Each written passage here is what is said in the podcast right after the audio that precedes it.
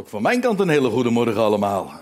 Vrienden hier in Den Haag. Goed om jullie allemaal hier weer eens uh, te mogen treffen. Altijd weer uh, een belevenis om elkaar zo uh, te ontmoeten. De vele jaren die hier al kom. Hè?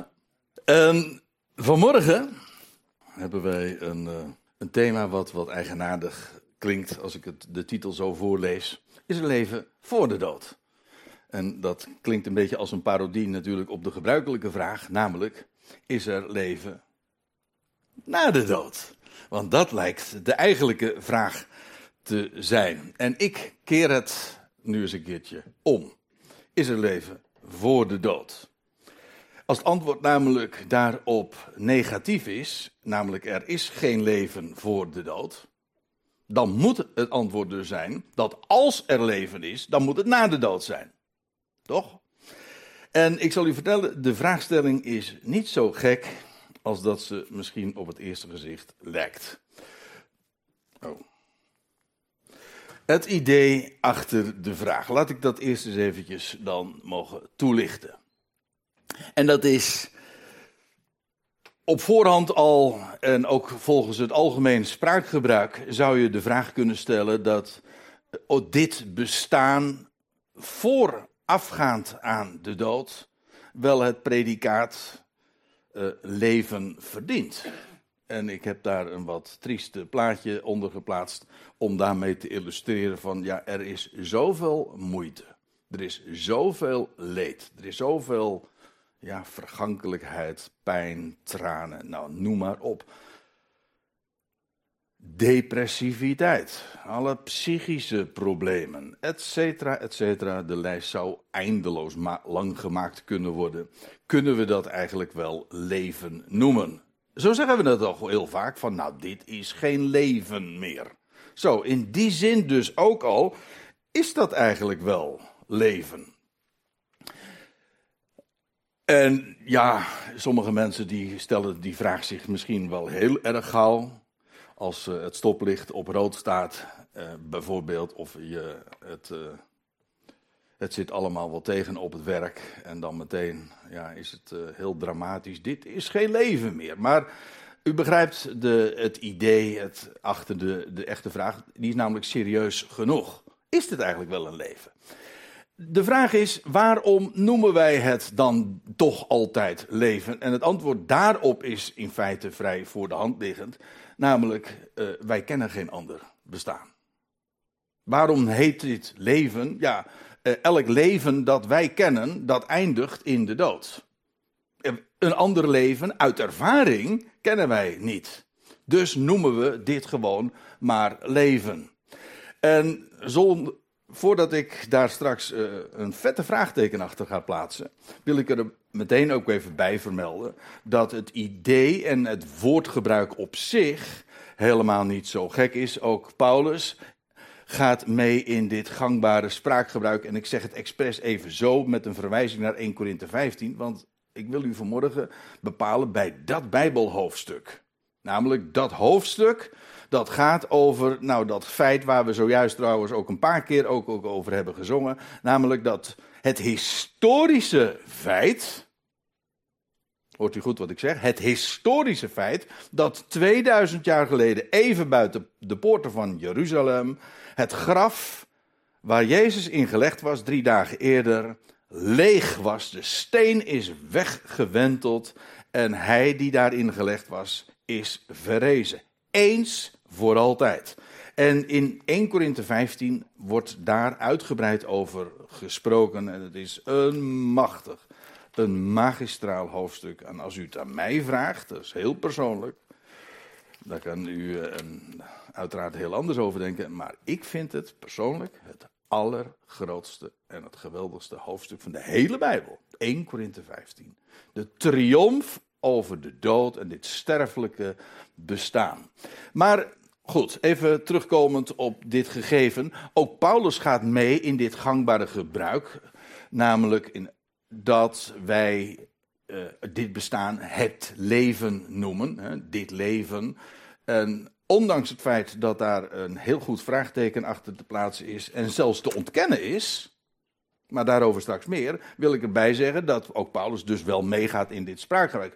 Want ja, dat is zoals we dat dan noemen. Hij zegt in vers 19 van dit hoofdstuk waar ik het zojuist over had, 1 Korinthe 15 dus. Indien wij alleen in dit leven, zegt hij dan, in Christus onze hoop hebben gevestigd, ja, dan zijn we beklagenswaardiger dan alle mensen. Het gaat me nu eventjes om die woorden die ik vet gedrukt heb. Dit leven, dat wil zeggen dit bestaan. Paulus zegt eigenlijk wat hij...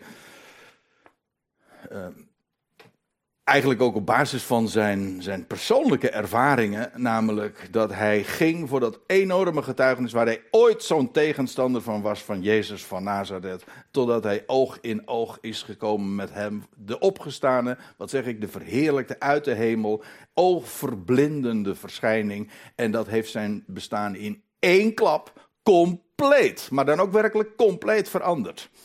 En sindsdien, ja, heeft hij uh, deze boodschap, dit geweldige feit gepredikt, geproclameerd, waartoe hij ook geroepen was, namelijk in de hele wereld onder alle naties, moest dit bekendgemaakt worden, namelijk Jezus Christus, die gekruisigd was, is opgewekt uit de doden, eens voor altijd. Hij is de garantie, namelijk de eersteling, dat de rest zal volgen. En dat als je dat goed op je daar laat in en doorwerken, ik kom er straks nog op terug, ja, dan is dat zo geweldig. Maar Paulus heeft dit overal gebracht, maar hij kwam in aanraking vooral met enorm veel godsdienstig verzet. En dat maakte dat zijn bestaan eigenlijk sinds die ontmoeting met, met Jezus van Nazareth uh, eigenlijk een. Uh, een ontzettend zwaar bestaan werd. Want hij was voortdurend in levensgevaar. Voortdurend werd hij bestreden. En eh, hij had, ja, hij had maar één missie. Maar daarin, dat maakte zijn bestaan zo zwaar. En daarom zegt hij ook: indien wij alleen in dit leven in Christus onze hoop hebben gevestigd, nou, dan zijn we beklagenswaardiger van, dan alle mensen. Wij die zoveel. Uh, voor dit getuigenis uit. Uh, voor dit getuigenis uitkomen en zo bestreden worden. Als dit het zou zijn, nou hij zegt, dan zijn we beklagenswaardiger. Het feit dat het niet alleen dit leven is, maar dat het gaat om de toekomst, dat maakt het de moeite waard. En veel meer zelfs nog dan dat. Dus dat is het, uh, het, idee. Het gaat me nu dus eventjes vooral om het feit dat ook Paulus daar soms bij gelegenheid gewoon in meegaat. En hij spreekt ook over dit leven. Oké, maar, en nou komt het punt. Dit, dat predicaat, de wijze waarop wij dat dan noemen, wij noemen dit bestaan leven, maar dat wordt pas misplaatst in vergelijking met wat gaat komen.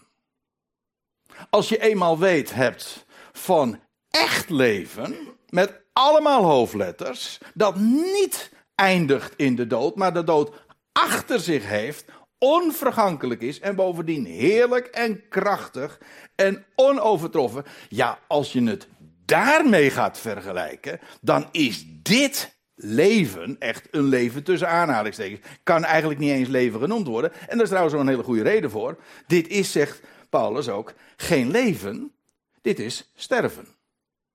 Wij zijn stervelingen. En dat komt er feitelijk op neer. We zijn bezig dood te gaan. Dat is geen leven, nee, dat is een stervend proces. Nou, laten we eens dat uh, opzoeken, zoals Paulus dat ook benoemt in 1 Korinthe 15.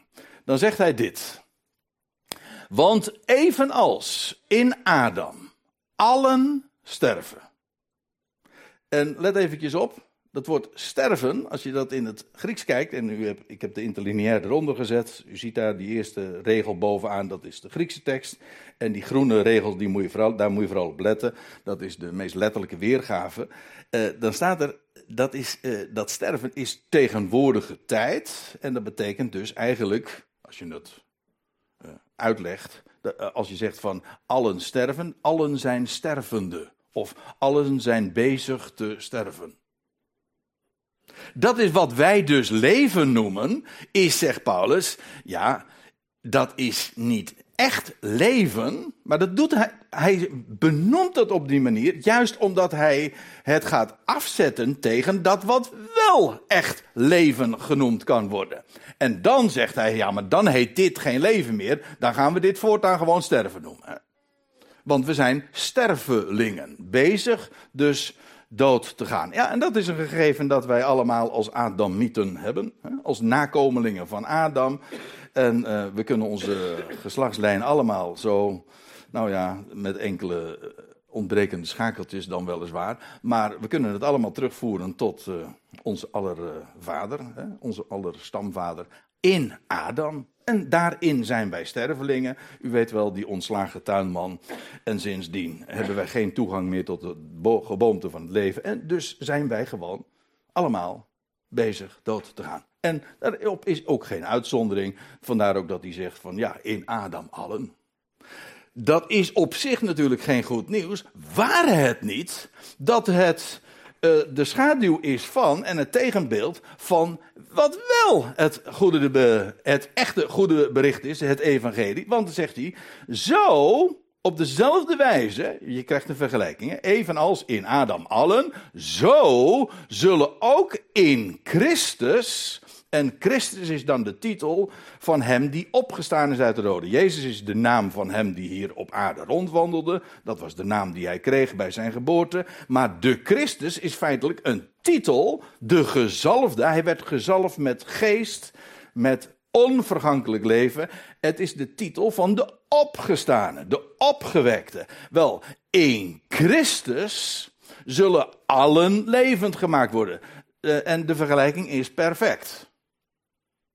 Namelijk in Adam allen. Ja, dat is geen keuze, dat is gewoon ons lot. Waarom? Omdat we in Adam zijn. Wel, zo zullen ook in Christus, niet allen in Christus, maar in Christus allen levend gemaakt worden. Kijk, en hier heb je dat verschil. Namelijk, in Adam zijn wij allen stervende, niet levend.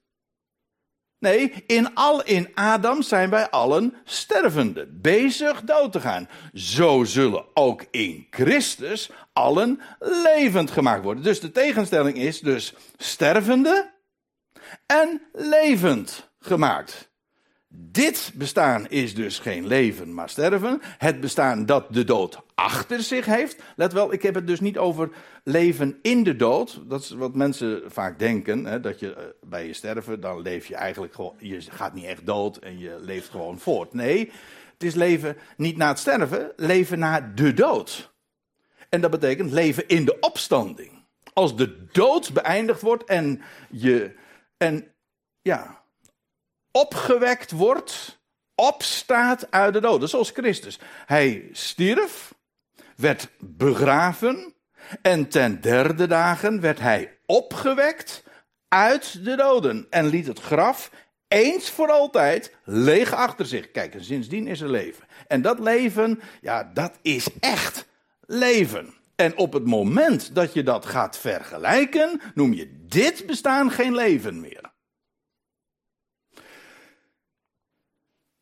Ja, goh, u zegt, hé, dat is een verdwaalde dia. Die hoort er eh, waarschijnlijk niet in thuis. Ja, toch wel. Ik wil even iets namelijk duidelijk maken. Aan de hand van iets waar de, waar je, waar de computergebruiker tegenwoordig heel vaak mee geconfronteerd wordt. Weet je wel, dan krijg je een programmaatje te zien. Ik heb hem maar even geblurred, want eh, anders denkt u dat ik reclame hier sta te maken voor Spotify. Oh, nou heb ik het toch weer gezegd. Maar ehm, Goed, dan krijg je een gratis versie, een proefversie. Je hebt het met heel veel programma's, weet je wel, die kom je dan tegen op internet. En dan krijg je eerst een, een proefversie aangeboden. Maar daar dan tegen betaling kun je ook de, de pro-versie of de premium, premium uh, versie uh, aanschaffen. En uh, de, zet ze dan tegenover elkaar en je, je krijgt dan dit soort vergelijkingen. Uh, dan heb je de proefversie. Dat is altijd zo irritant. Hè? Dan krijg je een programma aangeboden. En uh, wat uh, is daarmee aan de hand? Het is meestal, dat hangt er een beetje vanaf wat voor programmatuur het is. Maar meestal is het zo dat, dat je een maand dat dan kan gebruiken. Het is altijd, het is altijd beperkt. Het houdt een keer op. Dus het is tijdelijk. En wat trouwens ook altijd, uh, of heel vaak het geval is, dat is trouwens bij Spotify ook zo. Dan, uh, als je de, de, de proefversie krijgt, dan kun je niet opslaan. Wat trouwens ook wel het uh, tekenend is. Je, je kan het niet behouden. Je kan het niet opslaan. Het is bovendien ook een tijdelijke versie. En wat, uh, om even bij dit programma te blijven, bij zo'n proefversie heb je ook nooit de hoogste kwaliteit. Dat heb je wel bij de premium versie. De echte, zeg maar. Dat is de hoogste kwaliteit, dat heb je bij Spotify ook. Dan kun je de geluidskwaliteit kun je helemaal upgraden, kun je helemaal zo hoog maken als je zelf wil. Dat heb je bij die proefversie niet. Dus het, maar en, en het, uh, vooral een heel groot verschil is ook dat je in die pro proefversie heb je een hele beperkte functionaliteit. Dat wil zeggen, allerlei functies die je bij de echte versie wel hebt, die kan je in de, in de proefversie niet gebruiken. En dan ben je daar dus mee bezig. Heb je dat programmaatje gedownload. Gratis. Ja, is allemaal gratis. Maar het is een proefversie. Je kan er eigenlijk heel weinig mee. Want, en, want dan wil je. Hé, hey, dat ga ik ook doen. Oh, wacht even. Nee, dat is de, dit is de proefversie. Dit kan niet.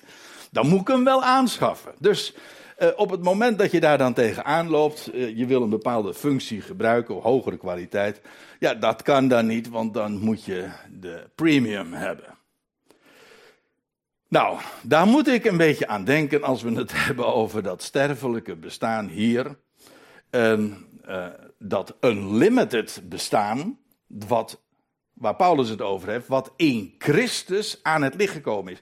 Let wel, hij is tot dusver de enige die dit leven kent. Oké, we hebben gezien, in, in Christus zullen allen, le allen levend gemaakt worden. Maar er is er nog maar één. Trouwens, dat is, ik ga dat nu verder niet bespreken, maar Paulus gaat dat in het navolgende ook zeggen. In vers 23 zegt hij, maar niet uh, allemaal tegelijk, ik zeg het even in mijn eigen woorden. Ieder in zijn eigen rangorde. Christus als eersteling, dat is de, het verleden.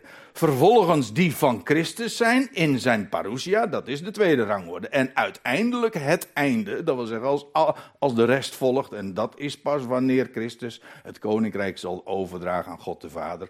Als de dood als laatste vijand niet gedaan wordt. Oftewel, als allen levend gemaakt worden. En dan is er geen dood meer. Dat is de truc. Als ik het even oneerbiedig mag zeggen. Als allen levend gemaakt worden, ja, dan is er geen dood meer, dan is de dood teniet gedaan. Nou, dat is het geweldige getuigenis. In Christus is die premium versie, zeg maar, van leven. Maar met dat verschil, kijk, in de wereld is het altijd zo. Uh, daar heb je de proefversie. En als je die premium, de unlimited edition wil hebben, dan moet je daar wel verschuiven natuurlijk. Daar, voor wat hoort wat. Ja, maar het geweldige van het evangelie is juist, uh, gewoon, het is een gegeven. In Adam zijn allen stervelingen. Wel, zegt Paulus. Het evangelie is dit, in Christus, uh, zo zullen ook in Christus allen levend gemaakt worden. Dat is een mededeling, is een bericht. U zegt, ja, maar bijna niemand gelooft het. Nee, dat is waar, ja. Maar dat doet aan de mededeling zelf niets af. Het is een bericht.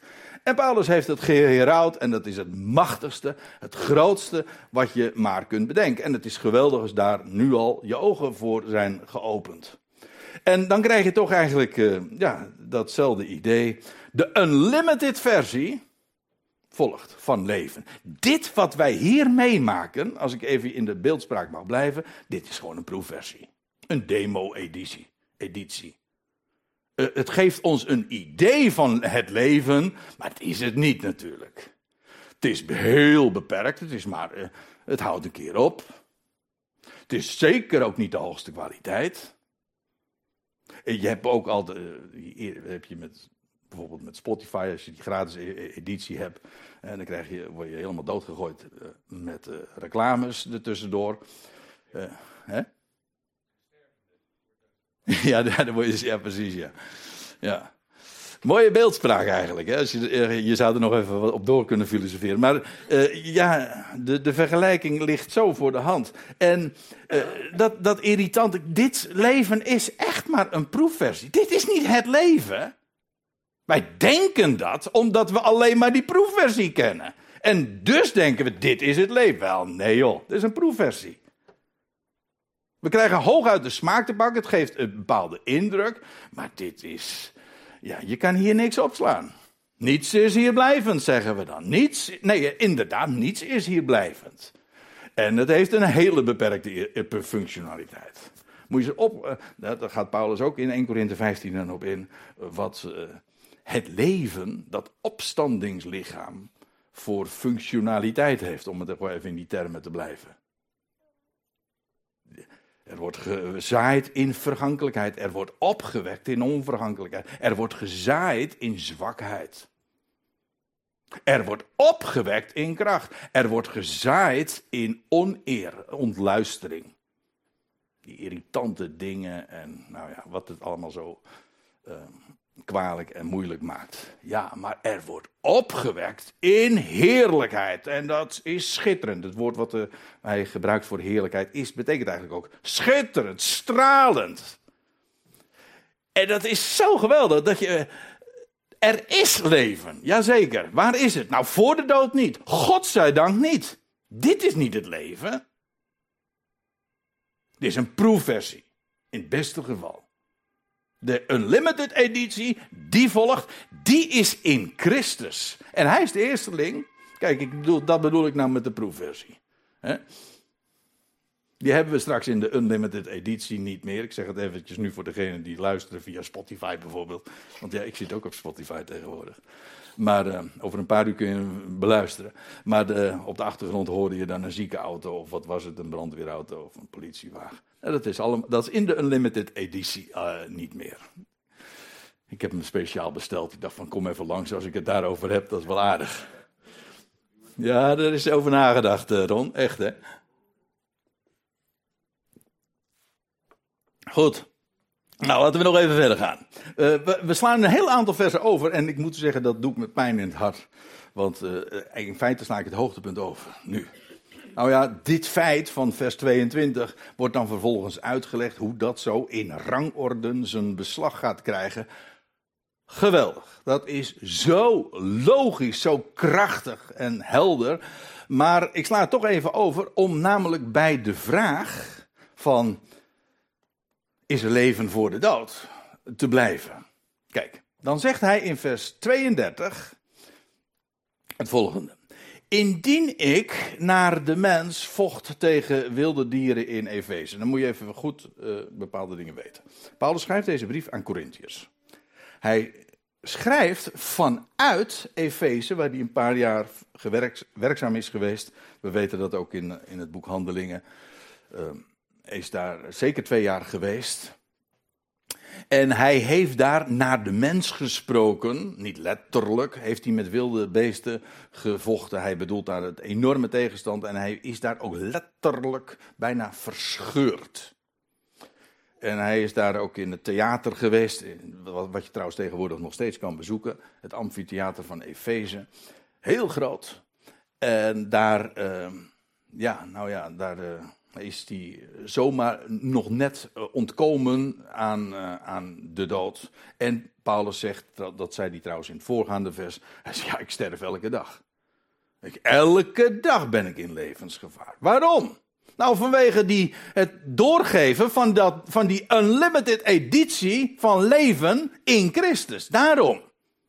Maar goed, eh, omdat het gratis is en religie niks met gratis heeft, maar altijd, dan moet je wel voor doen ja, uh, stuiten dat altijd op tegenstand. Want bijvoorbeeld de hele business van aan Diana, dat was de godin van de Efeziërs, uh, die ging uh, financieel ging daar hard op heel achteruit. Die hele business werd uitgekleed, zeg maar, door, door wat Paulus verkondigde. Dus vandaar, als je in de portemonnee zit, oei, dat is een linker zoep. Dus Paulus kreeg heel veel tegenstand vanuit die wereld. En meestal ook vanuit de Joodse orthodoxie. Nou ja, in ieder geval, Paulus had uh, heel veel tegenstand. Hij zegt, indien ik naar de mens vocht tegen wilde dieren in Efeze. Hij zegt, wat baat het mij? Indien doden niet worden opgewekt. Nou moet ik nog even iets bij zeggen, want dat heb ik geloof ik nog niet verteld. Paulus schrijft 1 Korinthe 15, dat machtige hoofdstuk. Omdat er mensen waren in Korinthe, sommigen in Korinthe. En eigenlijk ben ik die gasten ontzettend dankbaar dat ze dat inderdaad zeiden. Die betwijfelden, nee, die ontkenden dat er opstanding van doden zou zijn. Hij zegt dat in, uh, in vers 12 van 1 Korinthe 15. Kijk het maar eens na. Indien u van Christus gepredikt wordt dat hij uit de doden is opgewekt, hoe komen sommigen onder jullie ertoe te zeggen dat er geen opstanding van doden is? Nou, dan, dan, Paulus gaat daar echt niet alleen met gestrekt been in, maar hij demonteert dat hele concept, die bewering, echt tot op helemaal, compleet. Er blijft niks van over.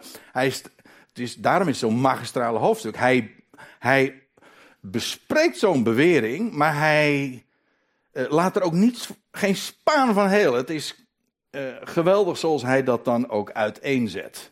Maar, uh, en dan gaat hij overwegen, ook, dat is op, op dit moment in dit hoofdstuk het, het geval.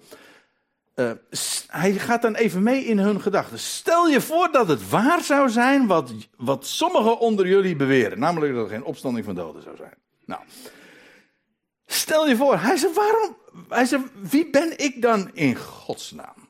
En waar ben ik mee bezig? Namelijk om deze boodschap te herauten. Waarom zou ik dat doen als er geen doden worden opgewekt? Ik doe dat juist omdat er leven is na de dood. Ik bedoel, in de opstanding. Als er geen doden worden opgewekt, waarom zou ik al die toestanden op mijn hals halen? Bijvoorbeeld om tegen wilde dieren in Efeze te vechten en elk uur in levensgevaar te zijn en alles te ontberen. Waarom? Dat, dat, is, dat, is toch bizar en onzinnig?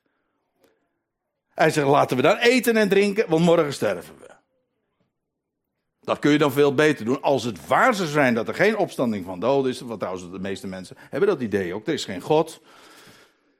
En er is ook, dit is het, dit is het leven. Die denken dat deze proefversie het, het, de, de definitieve versie is. Als dat zo zou zijn, nou dan kun je beter maar gewoon eten. En vooral veel drinken.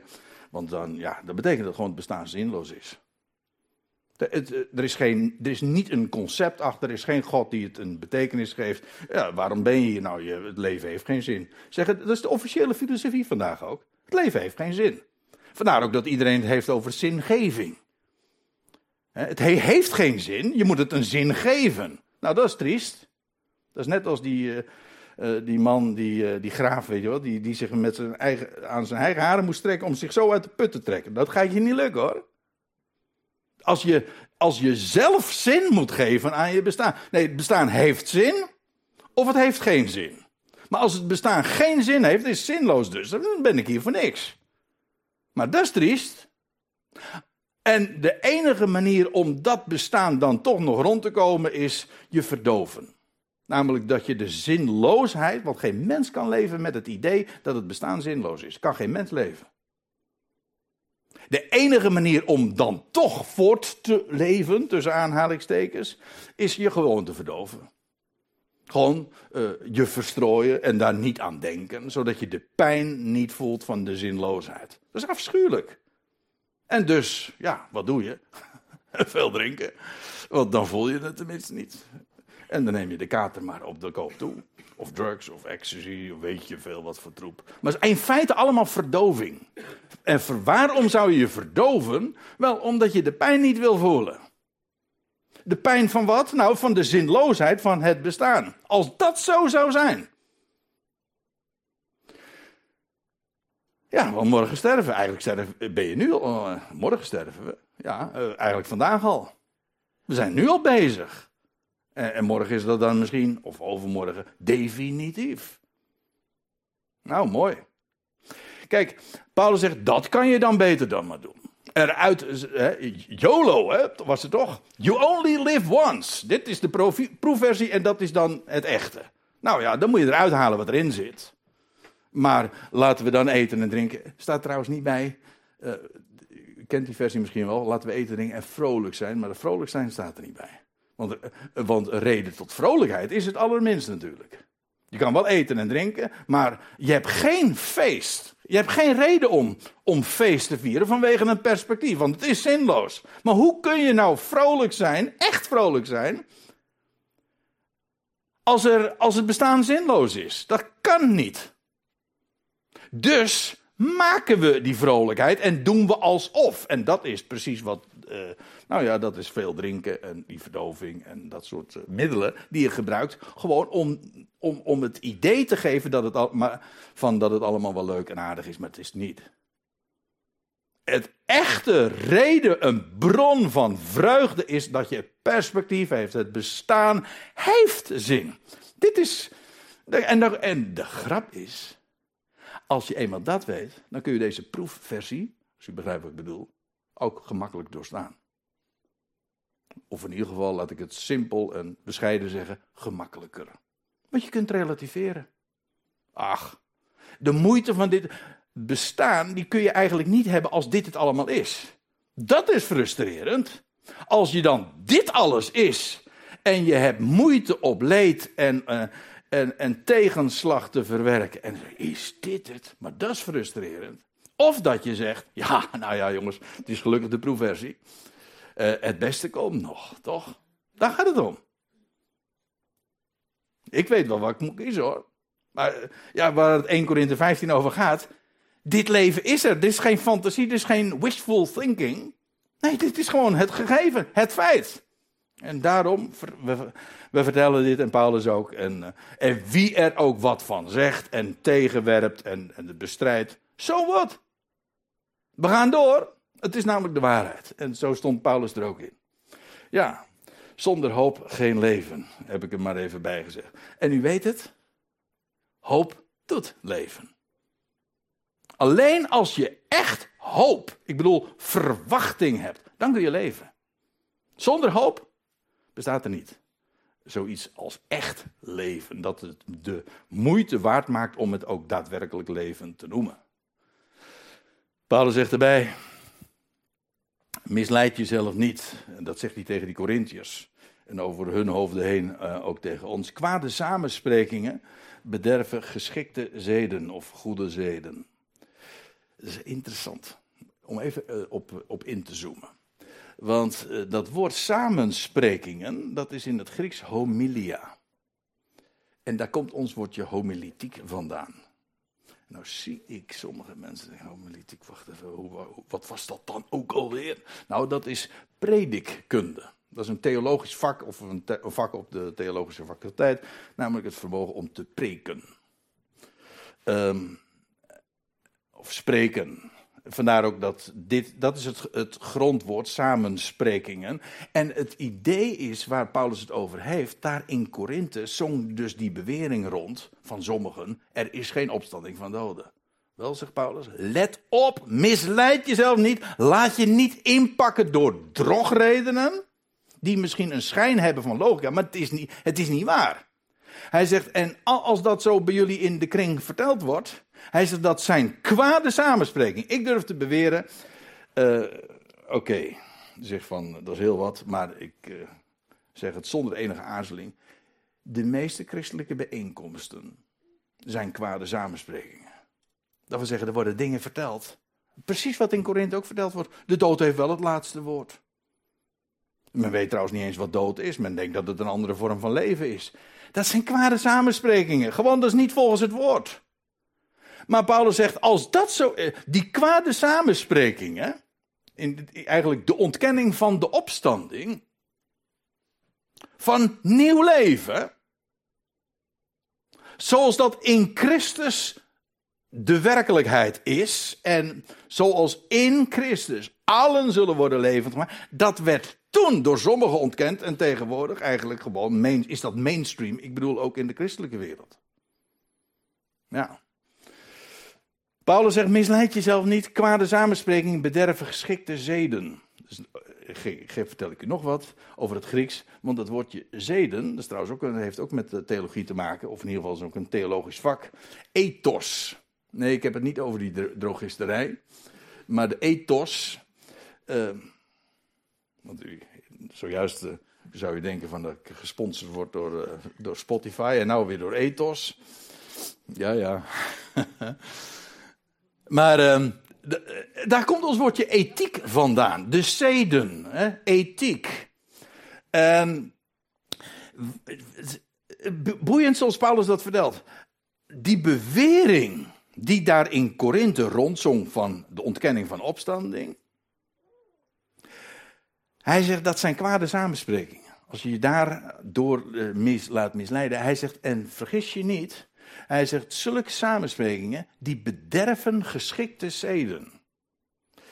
Ethiek, eh, zeden, gewoonten, goede geschikte, goede gebruiken.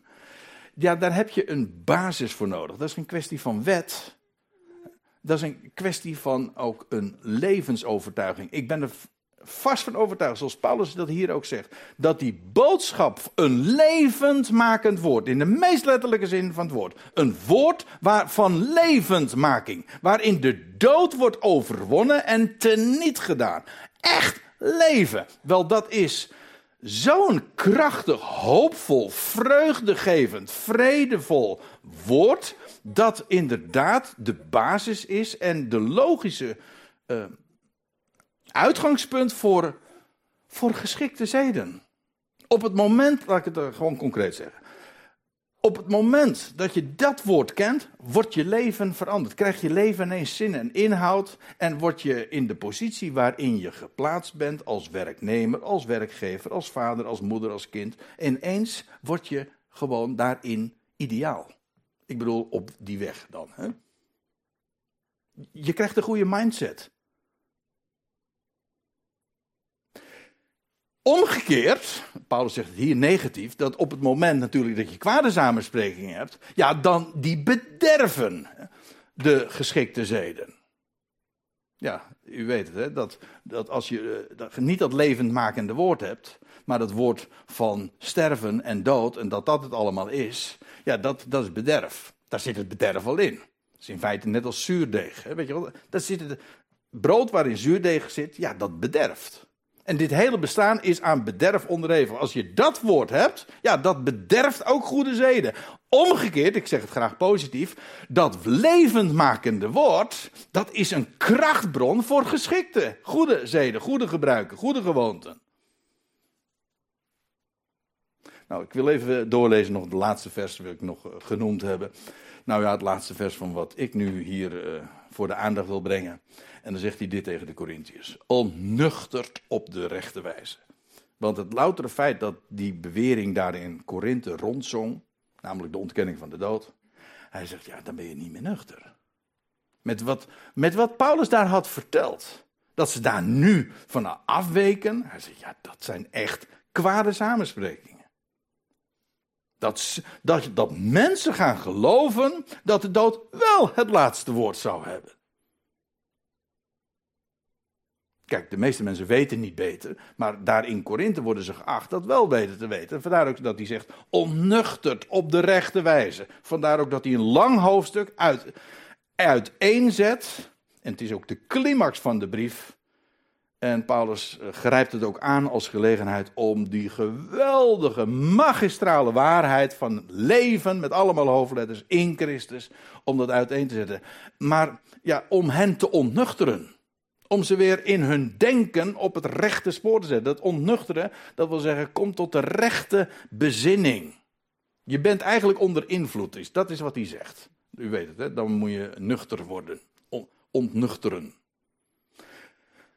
Kom tot de rechte bezinning, zondig niet. Dat betekent gewoon, zonde betekent doelmissen. Maar in je denken, in Korinthe was men in het denken zondigde men. Men, mist, men misdoel. Het denken was niet meer doeltreffend. Waarom? Ja, het was.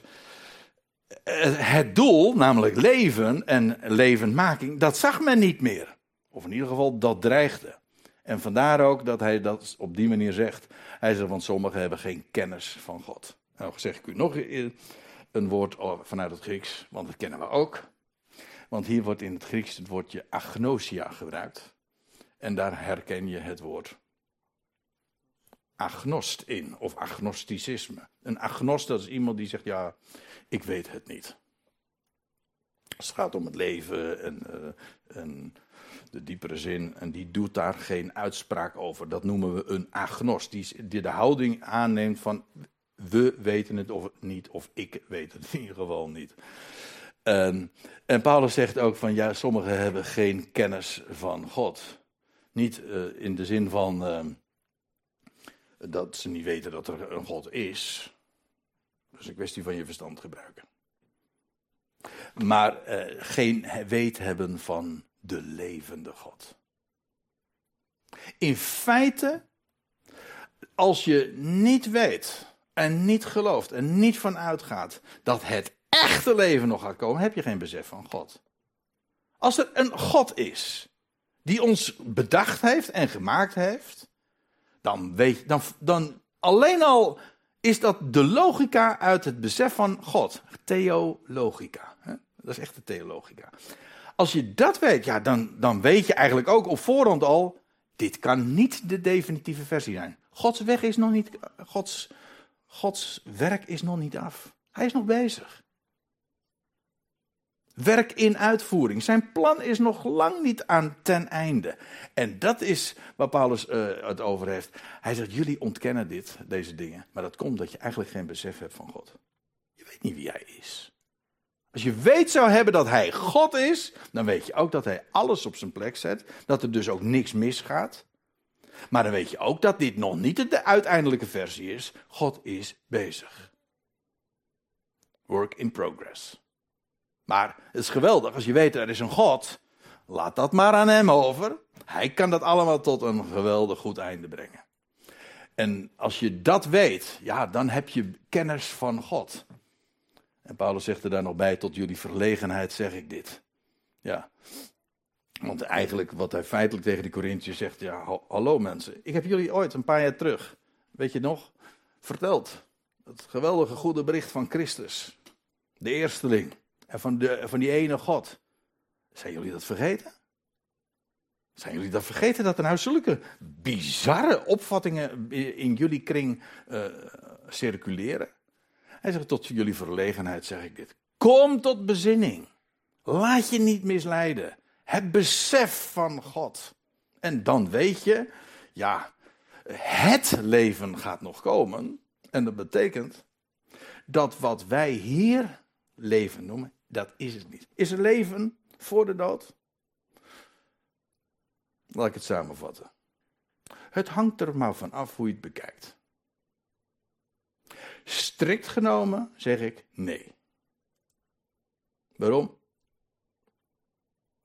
Het leven, dat komt nog. Dat is niet voor de dood, dat is na de dood. En dit, ach, het is maar een proefversie. De Unlimited Edition, die gaat nog komen. En ik stel voor dat we daarover gaan zingen.